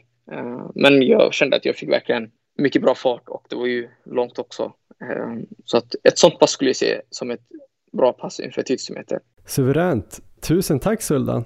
Det var de frågorna vi hade. Tack själv Johan, det var jättekul att vara med verkligen. Eh, så får du lycka till framöver, hoppas att du utvecklas så att vi får se grymma tider och dig i OS. Tack så jättemycket, jag hoppas jag verkligen också. Det är bara jobba på så får man hoppas att man får utdelning i sommar. Ja, det där var Suldan Hassan alltså, ung men väldigt klok, även om det kanske inte behöver vara något motsatsförhållande i det. Men eh, hur som helst väldigt duktig kan vi ju fastslå, eller vad säger du Erik? Ja, otroligt duktig och otroligt sympatisk, så att eh, det är alltid lika roligt att lyssna på Suldan. Mm, vi hade ju hans tränare i podden i höstas, Ulf Friberg, och eh, fick ju höra lite hur Ulf såg på grundträning och sådär. Och eh, det låter ju som att han tränar Suldan likadant såklart. Ja. Väldigt varierat under grundperioden med trösklar och banpass och långa hårda pass och långa lugna pass och lite av allt möjligt. Och han säger ju själv att han tycker det är viktigt att hålla igång eh, allting egentligen, förutom backar då som han verkar inte Ja, just köra. det. Ja, men det låter som att de har ett jättebra upplägg och jag tycker ju, alltså när man hör om de med passen, det är ju klart det är ju väldigt tuffa pass som man ibland inte kan kopiera rakt av, men däremot så är det många bra tips man kan ta med sig och eh, till exempel det här då att lämna ett pass och där det känns som att det går fortast på slutet. Så att springa passen progressivt är alltid bra, så man inte går ut stenhårt kanske på första intervallen. Mm. Och sen pratar de ju lite om här, eh, om man kör ett långpass med eh, lite kvalitet inslaget i, då eh, verkligen se till att man inte kör någon slags kvalitetspass dagen innan. Det tror jag är, eh, kan vara väldigt eh, farligt att göra. Just det, och så verkar han ju ha två lugna dagar efter ett sånt pass. Precis. Och kanske lite lugnare kvalitetspass då, dag tre då efter ett sånt här lite hårdare pass. I alla fall att han tänker efter vad han gör där. Så det verkar ju väldigt smart och det är lite likt den här Ingebrigtsen-veckan som jag har Ja. När jag kör kvalitet måndag, onsdag, fredag, då har jag ett lugnt pass på lördag, alltså lugnt långpass. Och sen då när jag kör en sån här så kallad Tinman-vecka så kör jag ju två då kvalitetspass. Jag kör ju måndag, torsdag och då långpasset på lördag skulle ju då kunna vara lite kvalitet i då kanske. Ja. Um, eller att jag eventuellt ska börja köra måndag, onsdag, fredag där också och köra långpasset på fredag och sen kunna ta det lugnt lördag, söndag och eh, snickra på torpet eller något. och sen tänkte jag på en grej där kring volymen där och det har han ju pratat om i flera år att de försöker bygga långsamt och nu sprang han väl 11 eh, till 13 mil och hade väl toppat där på 14,5 mil eller något sånt där. Och det, han är ju extremt talangfull så det går ju inte att jämföra sådär men jag tänkte bara på det om han springer 12 mil en vecka då tänker jag mig kanske att det är ungefär 4-15 snitt på alla kilometer, alltså om man slår ut det. Och i sådana fall är det faktiskt bara 8,5 timmar. Så jag tänkte på det, på, det är många som springer kanske 12 mil, motionärer som springer 5-15 fart, Aha. alltså i snitt. Eh, då springer man ju faktiskt mycket mer i timmar. De här 8,5 timmarna som han springer då i veckan, det är ungefär vad jag springer, kanske lite, lite mer. Det tål att tänkas på det här med tid och distans och hur mycket man kan absorbera i träningen faktiskt. Ja, absolut. Sen tänkte jag slutligen också på det här när ni, prat, när ni pratade lite om 10 000 meter där och att han ville ha ett lopp med bra motstånd. Något jag mm. hoppas ska kanske komma till Skandinavien och Sverige, det är det här upplägget de har i England med eh, stora galer där man springer med ljusharar. Eh, alltså rena galer på 10 000 meter med eh, en hel del publik då, när det är möjligt att göra igen efter coronan och sådär. Eh, mm. För, för, det är ju många från, eh, dels från Sverige och Norge och andra europeiska länder som då reser dit till England och är med på de här eventen och har ju snackat otroligt gott om dem, så det får man ju hoppas att det kommer till Sverige sen med ljusharar i lite olika farter. Ja, vi får väl se om det blir ljushare eller inte för mig här i, i juni. Jag vet inte om det blir något så FK Studenterna-lopp eh, som jag eh, kommer springa och då får vi se om Lorenzo Nesi kan fixa en 33.59 ljushare. det borde han kunna jag. lösa. Ja, det tycker jag. Jag har i alla fall fått lite tips på bra specifika pass inför eh, 10K och även 5K som jag kanske tänker att jag kommer springa något sånt 5K-lopp i slutet av maj för att förbereda mig lite för 10 000. Jag kommer förhoppningsvis springa något halvmaralopp eller i alla fall något träningslopp här i slutet av april och så tänker jag att jag ska spetsa då farterna lite och springa 5K och då, och då kanske jag får testa en sån där äh, monsterstege som ja. Suldan gjorde. Där du kanske kan cykla då eller någonting. Det låter ju fantastiskt, du? absolut. Eller så kanske jag ska söka in till det här äh, Vitamin Well Nordic Runners där ju Suldan Hassan är med faktiskt. Och då kanske jag skulle kunna få honom som hare under något pass i vår eller sommar. eller Lovisa Lind. Ja. Eh, ja. Kan du berätta lite mer om Nordic Runners? Det kan jag göra Johan. Vitamin Wells löparteam då, Nordic Runners, innehåller bland annat Suldan Hassan och Lovisa Lind, men det finns inga krav att man ska vara elitlöpare eller några andra krav på tid eller prestation för att ta plats i teamet. De enda krav som finns är att man ska vilja utvecklas i sin löpning och vilja springa, något som väl borde passa in på de flesta av våra lyssnare tänker jag. Mm, antagligen. Ja, och som medlem i teamet kan man då ta del av träningstips och annat från övriga teammedlemmar. Man får åka med på en tränings-tävlingsresa de gör varje år med teamet och man får även dryck från Vitamin Well, hörlurar, löparskor, löparklocka med mera.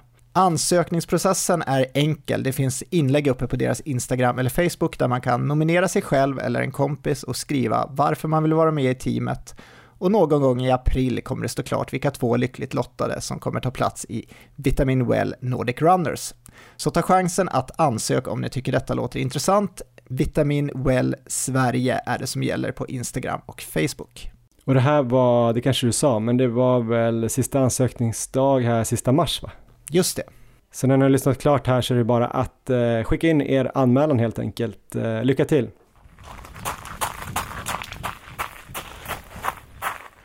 Ja men då har vi pratat med Suldan Hassan, en OS-aktuell löpare som vi hoppas får åka till Tokyo i sommar. En annan löpare som vi hoppas får åka till Tokyo och som satsar stenhårt på att få åka dit och springa maraton det är Carolina Wikström som vi ju följer här lite i podden. Vi hade med henne i vårt eh, första avsnitt för säsongen i eh, januari och eh, nu tänkte vi stämma av med henne lite grann igen. I söndags här sprang hon ju ett 10 km lopp i Dresden, hennes eh, tävlingsdebut 2021 och hon sprang in på 32.42, 4 sekunder över pers och eh, nu ska vi prata lite med Karo. On your marks. Get set. Ja men då har vi fått tag på eh, Carolina Wikström. Det är eh, måndag morgon, dagen efter loppet. Du är i Tyskland på väg hem snart. Eh, du sprang 10 km igår. Berätta om loppet. Eh, jo men loppet blev väl kanske inte riktigt som jag eh, hade hoppats. Jag sprang väldigt mycket själv. Eh, eller hela loppet själv faktiskt. Eh, jag hamnade i hit där ja, där, de, där alla var lite, lite snabbare än mig, men det vart bra träning och eh, det var ju ändå en annan känsla än att, att köra själv hemma. Eh, jag sprang fyra sekunder från PB så det är jag ändå nöjd med.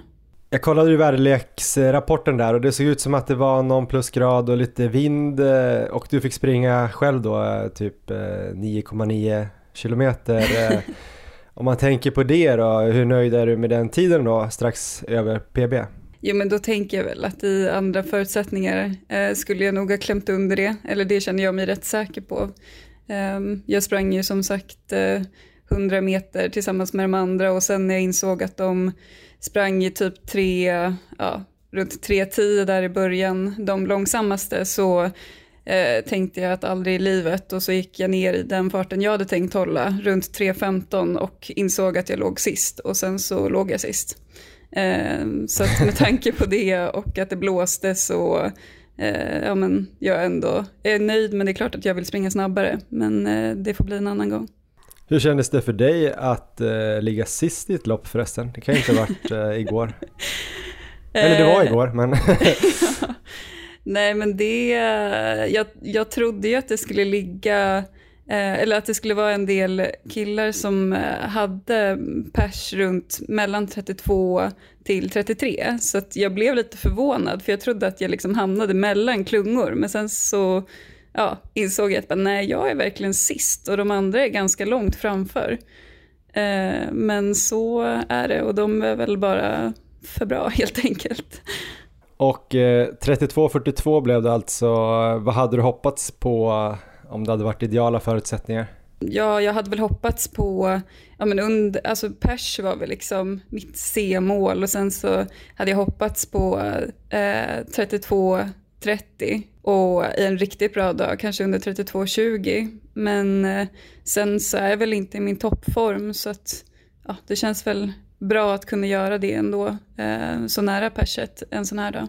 Du är kanske framförallt maratonlöpare men eh, hur har du förberett dig för den här tävlingen på 10 km. Har ni kört eh, specifika pass för 10 km också? Vi har väl framförallt kört mot halvmaraton men sen nu i början av året när jag kom igång med träningen efter Valencia Marathon så eh, har det varit eh, en del farter mot 5 km och 10 km där passen har varit på lite lägre volym men snabbare.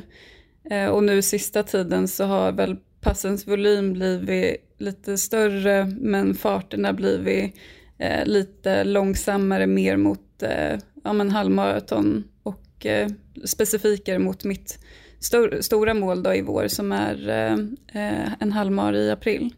Just det. Och eh, den träningen då, den fortsätter nu och hur ser de här halvmaratonpassen ut då, undrar man ju då? ja men nu på, ja vad är det, på lördag tror jag, så ska jag köra till exempel ett banpass där det är tre gånger eh, 2000 i 3, ja, 3.18, vilket då ska vara min tänkta halvmaratonfart, eh, eller lite snabbare. Och det är bara tre sekunder långsammare ungefär än din 10k-fart? Ja, precis. Egentligen är 3.20 är sub 70. Eh, så om man tänker så så är det väl eh, fyra sekunder i alla fall. Ja, vad härligt, då kan du ju vila lite i mitten. Uh, nej men så 3 gånger 2000 i 318, sen 3 gånger 1600 i 315, vilket då blir ungefär min 10 km fart. Och sen 3 gånger 1200 i 3, eh, 313 tror jag. Så lite snabbare än 10 km. Eh, så det är väl ett typiskt pass. Men målet är alltså sub 70 i slutet av april nu, nästa mål. Ja, precis. Annars då, vi pratades ju vid här i podden senast i januari, då kändes det som att du inte riktigt hade kommit igång med träningen och säsongen som du, du ville eller du hade haft ett litet uppehåll, men hur har det sett ut eh, efter det då? Det känns som att, det, att jag kom igång och att det har gått rätt bra Eh, jag har kommit upp i en eh, bra kontinuitet kring 16 mil i veckan och det har jag aldrig varit på förut. Eh, det har legat snarare kring 14. Så att det känns bra både på kvalitetspassen och att kunna ha den volymen utan att det känns som att det sliter för mycket. Nej, men det, det rullar på bra, jag hoppas det bara fortsätter. Vi har ju pratat en del i podden om så här andelen kvalitetspass i veckan. Det känns som att ni ofta kör två kvalitetspass men att de är ganska stora då och långa i volym. Eh, har det sett ut så fram till nu också? Ja, där i början så var väl kvalitetspassen lite lägre volym men nu, eh, nu har det sett ut så tror jag ändå relativt sett. Jag är så dålig på att jämföra med hur andra tränar. men, ja, precis. Nej, men ett kvalitetspass skulle till exempel kunna vara eh, ett 50 kilometer tempo i 3.28. Eh, Så det är väl ganska hög volym kanske. Men oftast två större pass i veckan eller? Ja, precis. Jag kommer ihåg också en grej som du nämnde då att du skulle börja med att köra lite mer styrketräning vilket du inte hade gjort förut. Hur har det gått och har det känts som att det har gett någon effekt i sådana fall? Ja, men jag har väl kört eh, en gång i veckan ungefär. Eh, svårt att säga om det har haft effekt. Jag har kört en del styrka i form av till exempel backar också, oftast kontinuerlig backe. Mm. Men det har väl känts som att jag har blivit starkare, sen är det svårt att säga vilket det är som har gjort det. Ehm, den styrkan jag har kört är ju inte jättetung, eh, utan den kanske framförallt blir eh, skadeförebyggande. Men då är det alltså en eh, halvmaraton i april som väntar. Sen då om man blickar framåt därifrån, hur ser liksom planeringen ut då för att då vara i form för ett eventuellt maratonlopp i OS i början av augusti? Sen eh, tanken att jag kanske ska ha någon lite mindre eh, paus eller någon vecka med lite lugnare eh, för att sen då bara kunna gå på hårt mot eh, maratonträning och ja, planera för eh, värmeträning och allt vad det innebär. Så att det blir väl väldigt hård träning därifrån så att jag tror det kan vara bra med någon vecka lite lugnare däremellan. Är planen att ligga kvar då på de här 16 milen i, i veckan även då eller kommer du försöka höja upp ännu mer? Jag tror Eller kanske dra bort? Eh, ja, men jag tror tanken är att jag ska ligga kvar eh, för att inte riskera så mycket. Men eh, jag är inte helt säker på hur själva maratonträningen ska se ut än. Nu är det så himla mycket fokus på halvmaran men eh, Christian har massa idéer så det blir nog bra. En sista grej då, vet du när du kommer kunna få något eh, besked från SOK om du får åka till eh, Tokyo? Eh, uttagningen på framtidskriteriet eh, som jag hoppas bli uttagen på är i mitten av april. Så att eh, i mitten av april så, så hoppas jag att jag vet mer. Men ditt hopp eh, ställs helt då till det här framtidskriteriet? Ja men det, det känns som att eh, det är på det jag kommer bli uttagen, eh, eller inte. Mm. Har du någon känsla då på förhand här hur det kommer gå? Nej, det är jätteläskigt att, att hoppas på för mycket. Um, men jag har ju bestämt mig för att inte köra en till Mara, för det känns inte som att man klämmer ut sig en 2.25 Mara heller på, på någon månad. Så att uh, jag försöker väl bara att uh, inte tänka så mycket på det, men hoppas. Uh, sen hur mycket jag kan hoppas på det vet jag inte. Nej, det blir ju också svårt att springa 2.24 i, i maj då kanske och sen eh, springa riktigt bra i, i Japan också. Det blir väldigt tajt inpå eh, så, men eh, ja, det är en eh, svår avvägning. Det hade ju varit eh, otroligt eh, att få springa OS. Ja men det där var ju Carolina Wikström, ganska nöjd med 32.42 i Dresden. Men Erik, du är inte lika nöjd med den här tävlingen. Berätta. Ja, alltså från svensk synpunkt så är jag jättenöjd. Mohamed Reza var ju trea på strax över 29 minuter, Sara Lahti tvåa på 31.59 och eh, Karo då trea på 32.42 och sen var det några andra starka svenska insatser också. Så att där var det ju jättestarkt både från Karo och från andra. Eh, men jag skulle vilja fokusera på ett fenomen som jag såg i Dresden här när jag satt bänkad och följde den här sändningen. Mm. Och som jag även sett eh, tidigare och eh, som, jag, ja, som har allt annat än imponerat. Eh, det var alltså en livestream här från loppet med tyska kommentatorer. Och till att börja med så tycker jag att det är kul att det ordnas lopp och att de streamas. Det började komma lite förra året och eh, har ju nu fortsatt här i år. Eh, jag förstår att de här produktionerna inte alltid är gjorda av de mest erfarna sportjournalisterna. Men med det sagt så händer följande under loppet. Det är alltså gemensam start för herrar och damer klart mest fokus på herrarna, men det är ändå så att de klipper in damerna med jämna mellanrum, så man kan åtminstone delvis följa loppet. I ledning i damklassen så har vi då Sara Lahti och en tysk tjej, och de ligger helt lika tillsammans fram till 9 kilometer. Herrarnas målgång visas och därefter så har de en segerintervju med segraren i herrklassen. Oh och visar inte den, vad jag nu förutsätter, dramatiska målgången mellan Sara Lahti och tyskan när de går i mål på samma sekund. Ingen av de andra damernas målgång visas heller. Så de står och har en intervju med den tyska herrsegraren. Det var otroligt respektlöst och klantigt. Det var som man liksom, ja, jag trodde inte det var sant. Och jag har sett liknande förut också på den här typen av sändningar. Om vi mm. tar mm SM i 10K på Anderstorp till exempel förra året där dameliten med Meraf Bata, Carolina och Hanna sprang till exempel. Då sprang de i herrarnas B-heat. Under den sändningen fick man i princip bara följa två herrar som sprang en liten bit före de bästa damerna, även fast alla såklart var mer intresserade av dameliten. Och eh, ja, vart vill jag då komma i den här utläggningen? Jag tänker så här att om man på något sätt är med och ordnar den här typen av sändningar, så se till att ha en plan för hur man ska kunna följa både damer och herrar hela vägen in i mål. Det borde inte vara omöjligt att få till det och då kan alla de här duktiga elittjejerna vi har få chansen att få den uppmärksamhet de förtjänar. Grymt Erik, väl rutet. Jag håller verkligen med. Jag kommer ihåg det från några sändningar här i, i Sverige i somras också, att man saknade någon typ av rapportering från damtäten, kanske en eh, till motorcykel som kunde köra längre bak då i fältet just när de springer mixade lopp och sådär. Vi kanske ska starta ett eh, produktionsbolag och ta tag i det här. Ja, det kanske kan vara någonting. Sen så, eh, ja, jag gillar att det ändå liksom görs streamar och jag förstår att man har goda intentioner. Men det går nog att göra lite bättre. Men om man hoppar tillbaks då lite till eh, Carolina Wikström här då. Eh, vad tänker du kring eh, loppet igår, 32.42, fyra sekunder från personligt rekord då i ett eh, ganska kallt och blåsigt eh, Dresden, där hon fick springa själv i princip hela vägen. Visserligen superplatt bana och varvbana och sådär, men eh, det lovar ju lite mer tänker jag i alla fall. Vad tänker du? Ja, men det gör det absolut. Jag tycker det är en jättebra insats. Hon var verkligen själv hela loppet där. De klippte in Carolina lite grann där då och då och hon sprang helt själv. Så eh, det där, den tiden tror jag är minst, ja, minst 20 sekunder snabbare och då är vi nere på de tiderna hon, hon hade hoppats på.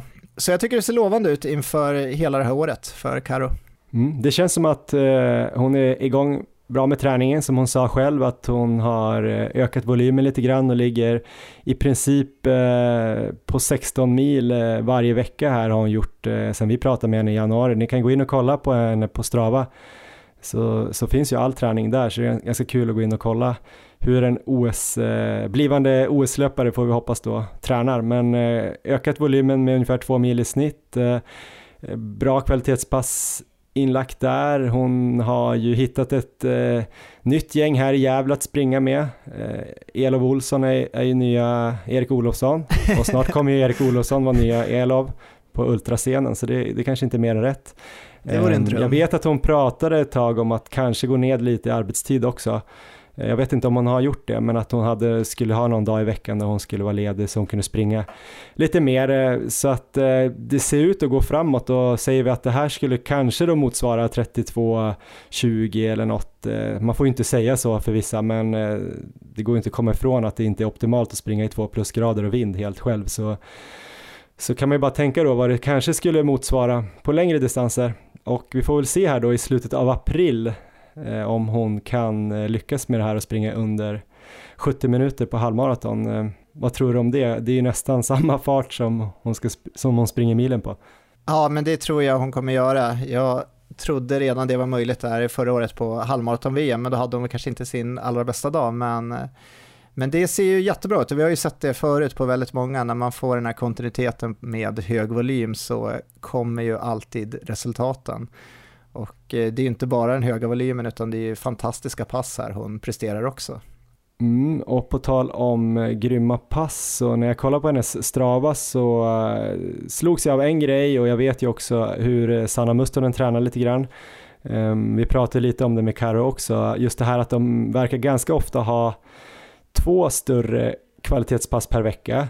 Vi har ju pratat då, till exempel Suldan körde ju tre kvalitetspass och ibland tre då plus ett lugnt långpass som vissa då kanske skulle tänka som fyra kvalitetspass.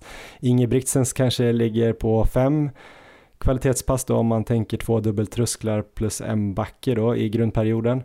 Ehm, jag skiftar ju kanske mellan två och tre, nu ska jag inte jämföra mig med de där andra löparna såklart, men eh, det är lite intressant också, vi har ju pratat om det någon gång att man kanske bara ska göra två kvalitetspass i veckan till och med och vi har ju kanske gjort det lite mer i den specifika maratonperioden. För då blir ju kvalitetspassen ganska långa och sådär, då är det ju sällan man pallar att köra tre pass. Men här gör de det redan i grunden, vad tror du om det? Jag tycker det är väldigt intressant för att eh, vi har ju sett att Eh, ja, Christian Munst träning, eh, den har ju vi ganska bra koll på, nu känner vi efter att han har varit med i podden några gånger. Men som jag har känt så har det väl mest varit i den specifika perioden, kanske de sista nio veckorna innan maran då som eh, det har varit de här riktigt tuffa kvalitetspassen så det har varit nere på två pass i veckan med många dagar emellan. Men nu verkar det komma lite tidigare också och eh, ja, det, det tycker jag låter väldigt spännande att eh, köra på det sättet. Och jag tror ju också såklart att det beror på att eh, till exempel Karo är ju maratonlöpare i grunden och hon vill ju då prestera bäst på längre distanser så därför blir ju hennes eh, kvalitetspass ofta mycket längre. Jag tänker om man jämför med två dubbeltrösklar kanske där man kör 30 minuter på morgonen och 30 minuter på eftermiddagen eller kvällen så kör ju hon ganska ofta kvalitetspass som då nästan är 50 minuter Just det i volym då i höga farter som hon snackade om 15 kilometer tempo rakt av tror jag hon sa här i intervjun. Så det är ju ett pass som är i princip eh, lika hårt som en dubbeltröskel eller kanske ännu hårdare för man gör det på ett pass. Så att det blir lite samma totalen då på veckan i, i intensitet. Så eh, det är kanske det som avgör då om man springer lite kortare sträckor då, kanske 1500 upp till 10k, då kanske dubbeltröskel är mer eh, givande på ett sätt och springer man mer halvmaraton och maraton så är det mer specifikt att göra de här lite längre kvalitetspassen. Så tolkar jag upplägget i alla fall. Ja, men det är intressant nu när man kanske har satsat lite ändå på kortare distanser att de ändå ligger kvar med ungefär liknande träning som i själva maratonperioden. Till sist då Erik, eh, vi pratade lite här om OS, eh, det är maraton i Fukuoka tror jag i Japan i augusti. Tror att eh, Carolina Wikström eh, får stå på startlinjen där då, om nu OS blir av. Ja, jag vet inte vad jag tror längre, men jag hoppas ju verkligen det. Men jag, man blir bara upprörd när man tänker på det här. Jag tycker det är så självklart att hon ska springa och jag förstår inte vad, vad det liksom är som händer i Sverige när det är de här eh, extremt hårda reglerna. Det finns liksom ingen logik i det för mig, jag kan bara inte förstå det och eh, för mig är det helt självklart att hon ska vara med på OS. Så att jag, ja, jag håller tummarna och hoppas verkligen. Mm, det har ju varit lite skriverier och det var ju något inslag på SVT Sport också om det här där Mo Farah eh, och Abdi där från Belgien snackade om att de också tyckte det var helt sjukt att man inte får åka om man har klarat eh, den officiella olympiska kvalgränsen.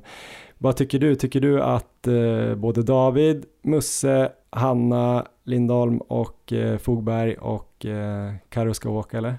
Ja, jag tycker, jag tycker Karo är självklar. Jag tycker Musse och David också har gjort tillräckligt bra.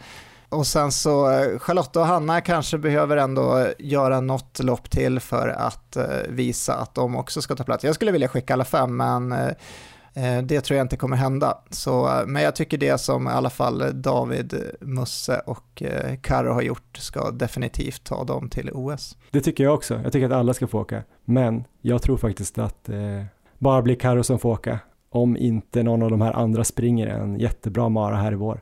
Jag tror Karo får åka på framtidskriteriet. Jag tror inte att de kommer tycka att hennes 2.26.42 ens räcker för att få en vanlig plats så att säga, utan jag tror eh, chansen ligger i att eh, Friidrottsförbundet övertalar SOK att eh, Karo är en ung talang, vilket ju hon är då i maraton, men eh, vanligtvis brukar det ju vara ännu yngre idrottare som får åka på det kriteriet. Ja, ska vi säga det också att David gjorde ju faktiskt ett fantastiskt halvmaraton där nere i, i samma lopp där som de här inslagen var med Abdi och Mo Farah. Han var bara någon minut efter Mo Farah i mål och slog väldigt duktiga löpare i det loppet. Så sådana lopp ska väl nu också spela in här i den totala bedömningen så att eh, jag tror han ligger bra till också.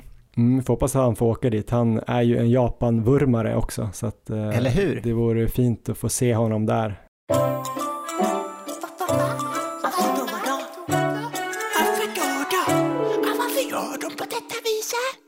Ja, med den där gingen vill vi då bara uppmärksamma alla lyssnare på att det är dags för veckans fråga. Erik, du har hittat en fråga.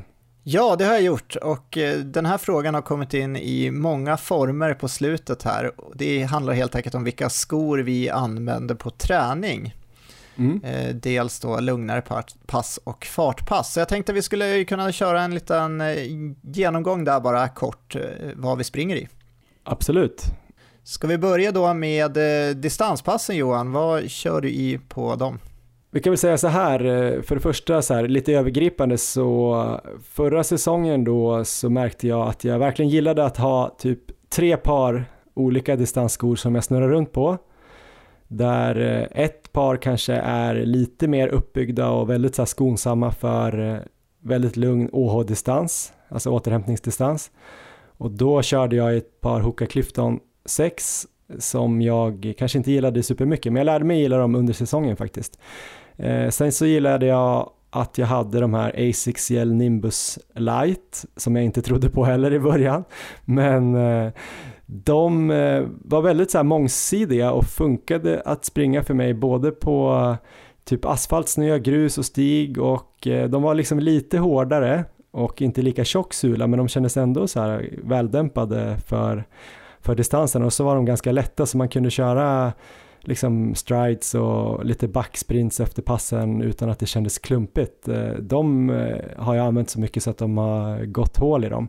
Eh, nu har vi precis fått ett par nya Asics Gel Nimbus Light 2 som jag har sprungit lite för lite i än för att säga om de är lika bra, men eh, det är lite samma känsla i dem. Och sen hade jag ju då Nike Infinity React, eh, de här som sägs eh, vara superskonsamma, att man ska få mindre eller färre skador när man springer i dem. Och det vet jag inte om det stämmer, men de var mina skor som jag använde ganska mycket då på asfalt och som jag då ah, de var lite lika Asics eh, Gel Nimbus Light i känslan. Ganska pigga ändå tycker jag. Och eh, jävligt snygga och jag gillade dem ganska mycket. Så det är mitt svar. Eh, nu får vi väl se om det blir Nimbus Light 2, om de här Nike Infinity kanske håller ett litet tag till och sen så ska jag skaffa ett par nya tredje par här. Du då? Ja, men jag har ju samma svar på den här för att det är samma skor jag har sprungit i. Den här Asics Gel Nimbus Light eh, var ju min absoluta favoritsko här förra året väldigt överraskad också, men den, den kändes snabb och den satt otroligt bra och den sprang jag massor i. Så nu har jag börjat springa här i den uppdaterade versionen också här och eh, ja, men jag är positiv till den också. Den känns också väldigt bra än så länge. Jag hade den bland annat första rundan på mitt eh, långa pass här och eh, jag är väl uppe i 10 mil i den kanske, så att det, det ser väldigt lovande ut för den också. Nike Infinity har jag också varit väldigt nöjd med, den eh, sitter bra och eh, jag har snurrat på framförallt de två skorna.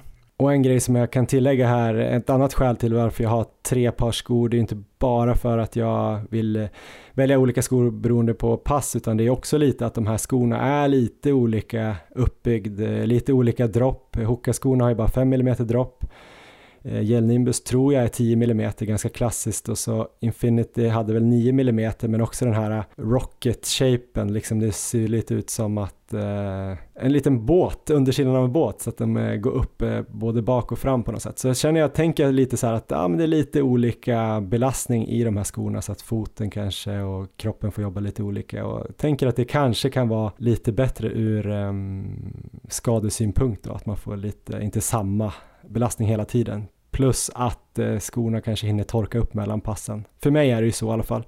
Du som springer så himla mycket så alla dina skor är väl svettiga och blöta hela tiden. Nej men det är ju en jättebra poäng just om man kanske kör dubbelpass på en dag också och har två distanspass, att man kör med olika skor. Så håller de bättre. Ska vi gå över lite till långpassen då? Om vi dels tar lugna långpass och även eh, till exempel marafartsintervaller där du har högre fart. Vilka skor väljer du då? Alltså kör jag bara lugna långpass och då snackar vi kanske lugna långpass upp mot två timmar eller så. Då kan jag bara ha mina vanliga distansskor. Ja. Eh, då behöver jag inte alltid ta några specifika långpassskor eller så. Men ska det vara lite ännu längre eller kanske en del kvalitet och även vissa tempopass, då har jag lite olika skor som jag använder mig av och då i fjol så körde jag mycket i New Balance Fuel Cell um, som ju är New Balance uh, snabbaste sko. Den ska ju komma en, uh, en uh, racingvariant. Jag har den som kallas för TC och den heter nog, och det står väl för Training Competition och nu tror jag att det ska komma en som heter RC som kanske är Race competition. Jag vet inte, race och competition är ju samma sak. Just det. Men är det en karbonsko eller? Fuel Cell TC är en karbonsko. Den är lite tyngre än eh, tävlingsskorna som vi har sprungit i, alltså Nike, Vaporfly och Alphafly och de här. Den väger typ 260 gram. Det är 10 mm dropp. Den är ganska mycket sula och ganska mjuk sula. Så jag hade lite problem i början, framförallt när man sprang lite lugnare i början av passen och på uh, mjukare underlag om man sprang på en grusväg eller så. Då tyckte jag nästan att de blev för svampiga. Men eh, när man trycker på och kommer upp lite i fart och det blir högre krafter och sådär, då svarar de riktigt bra tycker jag. Då känner man att man fick bra fjong och på asfalt är de eh, väldigt skonsamma känns det som. Så det var ju ett par som jag körde i väldigt mycket i fjol höst inför eh, MLM maraton Marathon och jag kör fortfarande lite grann med dem Får se om de kanske är uttjänta snart. Sen har jag ju då fått tag i ett par Saucony Endorphin Speed här nu. De är riktigt bra än så länge. Jag har bara använt dem på Bosön inomhus och på band och ett pass ute på Kärrtorp. Så jag har inte börjat springa med dem på asfalt och eh, grus än. Men de, eh, de är lite lättare, de väger väl 220 gram. Det är ju en sån nylonplatta i dem istället för kolfiber. Men annars Just är den väl ganska lik Endorphin Pro eller det är typ samma sko fast det är nylonplatta. De sitter ju sjukt bra, de är snäppet fastare än Fuel Cell, lite mer studsiga, de känns mer eh, raciga. Jag skulle ju ta dem om jag verkligen skulle behöva prestera alltså framför Fuel Cell. 8 mm dropp på dem också. Den är jag jättenöjd med än så länge, förutom kanske då att eh, designern som gör de här skorna möjligtvis är lite färgblind. Men, eh, men jag gillar dem, jag har de vita där så de tycker jag är lite bättre än de nya svarta. Eh, skitbra sko. Och sen då Erik, den här kan jag inte säga så mycket om än, men vi fick ju faktiskt eh, hem ett par varsina Hoka Carbon X2. Ja. Eh, och de sprang ju jag med tre varv när vi sprang 57 eh, kilometer. Och då var det ju mestadels asfalt. Av de här tre paren så är de de hårdaste, får jag känslan av, och fast sula och sådär. Och det är ju, det har man på namnet, det är karbonplatta i dem. De väger 240 gram, så mittemellan Fuel Cell och Endorphin Speed. Och det är 5 mm dropp, så alla de här är ju lite olika. Eh, de tyckte jag kändes väldigt bra när vi sprang runt söder här och jag kände mig pigg och sådär. Och du tyckte ju att jag såg såg stark ut, så det är ju bra. Ja. Eh, det jag märkte då var ju att det var massa gruskorn som fastnade i sulan. Eh, så det var dels störigt att de satt där när vi sprang och dels så såg jag efteråt att de hade gjort en massa hål i sulan. Så sen dess har inte jag vågat använda de här utomhus heller. Så jag ska spara dem tills någon har varit snäll nog och sopat bort allt grus på alla vägar här i Stockholm. Så jag har kört dem i ett pass på löpband och då körde jag faktiskt halva passet med Endorphin Speed och halva med Hoka Carbon X2 och eh, jag måste säga att det blev en mycket stummare känsla när jag satt på med Hoka-skorna. Att jag inte alls, eh, det kändes plattare och inte alls lika studsigt. Ja. Men det är möjligt att det blir bättre på längre pass eh, på asfalt och så. Det känns som de har lite mer ultra profil också. Du då, det blev en lång utläggning. Ja, men jag kan väl bara hoppa in där direkt då, för jag har också provat Hoka Carbon X2 och eh, jag sprang bland annat det här väldigt långa passet i den och då sprang jag ju totalt nio mil i den. Så jag tycker den sitter väldigt bra. Den känns snabb. Jag var också orolig för det här du pratade om med gruset i början. Men det var ju under den här perioden när eh, snön smälte bort och det var otroligt mycket grus ute på eh, vägarna som vi använder den där mest. Sen tycker jag det ändå blivit lite bättre när jag, jag har sprungit mest och försökt springa på asfalt och så. Och eh, det känns ändå som att hållbarheten är mycket bättre på den här än till exempel om jag hade sprungit lika mycket i ett par Vaporfly. Så jag är inte lika orolig över det som jag var i början. Men jag skulle inte använda den här och springa på grusvägar generellt, utan verkligen asfaltbana eller liknande. Jag skulle kunna tänka mig att det här skulle kunna bli min tävlingssko på 24 timmars. Maraton, eh, lite mer, eh, där skulle jag nog inte sätta den före eh, de här andra tävlingsskorna vi har testat som Vaporfly och Alphafly till exempel. Men eh, om vi går in på långpass då, lugna långpass så det är samma för mig där jag kör med någon av distansskorna. Och marafartsintervaller så har ju jag köpt den här Nike Air Zoom Tempo Next Percent. Just det, det är spännande för den är ju lite som motsvarande då till New Balance Fuel Cell och Saucony Endorphin Speed skulle jag säga. Ja, precis. Och den är lite grann uppbyggd ungefär som en Alphafly med de här luftkuddarna där under. Så att eh, planerar man att springa Alphafly på tävling, då tycker jag nog att man borde prova att träna i den här skon. Och jag har testat den också på ett eh, pass med marafartsintervaller, jag tror det var 4 gånger 5 km som jag körde. Och då körde jag först med ett par gamla Vaporfly, de hade kanske gått så här en 20 mil eller någonting. Jag har ju tränat så förut att jag har ju de karbonskorna som jag då har slutat tävla i har jag sedan använt på mina fartpass, eh, marafartsintervaller och liknande. Så det var ett rakt eh, test då mellan de här två och eh, temposkon tycker jag motsvarade vad ett par eh, färdigtävlade Vaporfly gjorde. Jag låg i samma puls och samma fart helt enkelt på det passet, så det var, det var ett väldigt gott betyg för dem. Mm. Eh, vissa vet jag har varit lite skeptiska till den här skon skon och tycker den sitter dåligt och sådär, men jag, jag tycker den är väldigt snabb och eh, påminner om Alpha Flyen. så att jag kör nu faktiskt de flesta fartpass i den. Långpass med fartinslag, då kör jag alltid fartdelen med de här skorna. Men vi kan väl hoppa över också lite till eh, rena fartpass då, slutligen tröskelpass eh, eller CV-pass till exempel. Kör du då i eh, dina speed och eh, de här fuel cell? Svar ja. Just det. jag har inte så mycket att tillägga. Jag har ett par eh, Vaporfly, de här gröna Next Percent, som jag kanske har sprungit 10-12 mil i på tävling. Så här i vår kanske jag kommer plocka fram dem ibland på vissa nyckelpass om jag känner att jag vill ha lite extra pop i steget. Du då? Ja, men jag kör ju i Tidigare har jag kört faktiskt i Nike Zoomfly en del, men nu när jag köpt eh, Tempo istället så känner jag att den känns mycket snabbare. Så att nu är det ett par utslitna Vaporfly eller Nike Air Zoom Tempo Next Percent som jag kör i på tröskel och CV. men det var ett långt svar på en eh, ofta frågad fråga. Precis. Hoppas ni är nöjda. Tävlingsskor får vi prata om någon annan gång, men där vet ni ju ungefär vad vi gillar.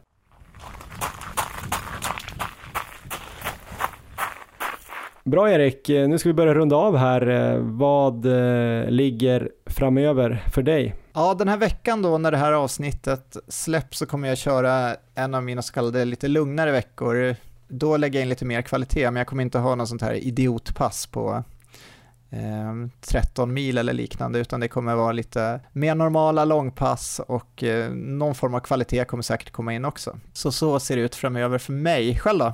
jag kör på med mitt upplägg. Den här veckan ska jag väl köra några bra kvalitetspass här tisdag och torsdag tror jag. Det kan bli på torsdag. Om ni lyssnar på det här och är sugen så kan det bli på Kärrtorps IP, tusingar eller kanske 800 metare i eh, någonstans runt eh, förväntad tävlingsfart i juni, alltså lite 3.24-3.25 fart där. Eh, kanske blir 800 för mig. Annars så blir det väl eh, veckan efter blir också måndag, onsdag, fredag kvalitet, men sen tänkte jag ta faktiskt lördag, söndag, påskhelgen bara till eh, smygträning, för då kommer vi antagligen vara, vara upp en sväng i Jämtland, så då kanske det bara blir liksom lite så här skidor och, och mys. Så där kanske blir en lugn helg för att då inte riskera att bli skadad som du tror att jag kommer bli nu när jag... Bra Johan, nej det tror jag absolut inte, för att nu tänker vi på de här bitarna, så att det ska du inte bli, men du ska, ja, det är bra, ta det lugnt. Ja, jag har tänkt på det lite grann, att uh, verkligen uh, våga vila här framöver också. Um, men ni kan ju kolla på Instagram där vi heter Maratonlabbet, på Strava där uh, vi heter Johan Forstedt och Erik Olofsson. Och så vill vi också påminna här i slutet om rabattkoden här på Nextory. Där går man ju in då på nextory.se kampanj och koden maraton med eh, den svenska stavningen då utan H. Den ger 30 dagar fri användning av den här ljudboksappen där man kan lyssna då både på ljudböcker men också läsa e-böcker. Eh, jag lyssnar just nu då på Endure med Alex Hutchinson. Det blir mer och mer spännande för varje kapitel. Eh, men gör gärna det. Förutom att det är en väldigt bra tjänst som passar väldigt bra för oss löpare så stöttar det också podden och hjälper väl oss att, eh, att fortsätta helt enkelt. Eh, det är helt gratis i 30 dagar för er som vill prova på. Om ni inte vill fortsätta är det bara att avregistrera er på ett enkelt sätt. Så det är win, win, win, precis det vi gillar. Så Erik, det är bara att eh, gå in i appen, leta fram någon härlig 11 timmars bok och eh, sticka ut på ett pass nu helt enkelt för dig, Ultra-Erik. ska jag göra. Löparglädje med Rune Larsson känns rätt. Du, en annan sak som jag tänkte på alldeles här i slutet nu när du börjar springa jättelånga pass i Hoka. Finns det ja. någon möjlighet att ta sig in i den här Ockelbo-maffian? Finns det någon så här inkilningsrit man, man måste göra då? Det är ganska nära till Ockelbo från Uppsala tänker jag. Det är, skulle kanske funka. Det är inte så långt. Spännande. Det kanske vi ska kolla upp.